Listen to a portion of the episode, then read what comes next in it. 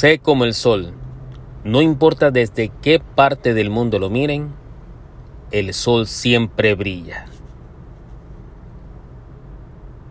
Así es. Y podemos decir que el sol tiene ese gran carisma de brillar. Pero ¿qué es carisma? Una cualidad que también tienen los grandes líderes. Carisma es eso, una cualidad innata o adquirida para establecer vínculos directos con los demás, gracias a factores como su presencia, personalidad o carácter. Pero ¿cómo conocemos a un líder carismático?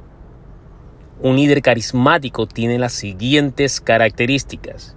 Es alegre y amable, es optimista, es proactivo, es empático, se conecta con otros de gran manera, saca lo mejor de otros, se adapta a diferentes contextos, miran más allá y miran más lejos, están abiertos a los cambios y transmiten gran confianza y optimismo.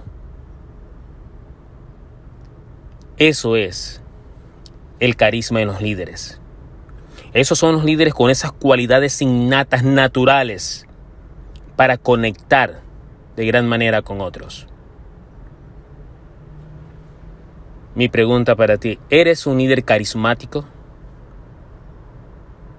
Cual sea tu respuesta, recuerda que puedes seguir aprendiendo, seguir mejorando tu personalidad, tu carácter, tu forma de interactuar con tus seguidores, con tus equipos de trabajo.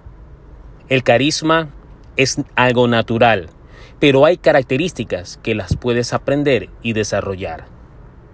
Conviértete en un líder carismático.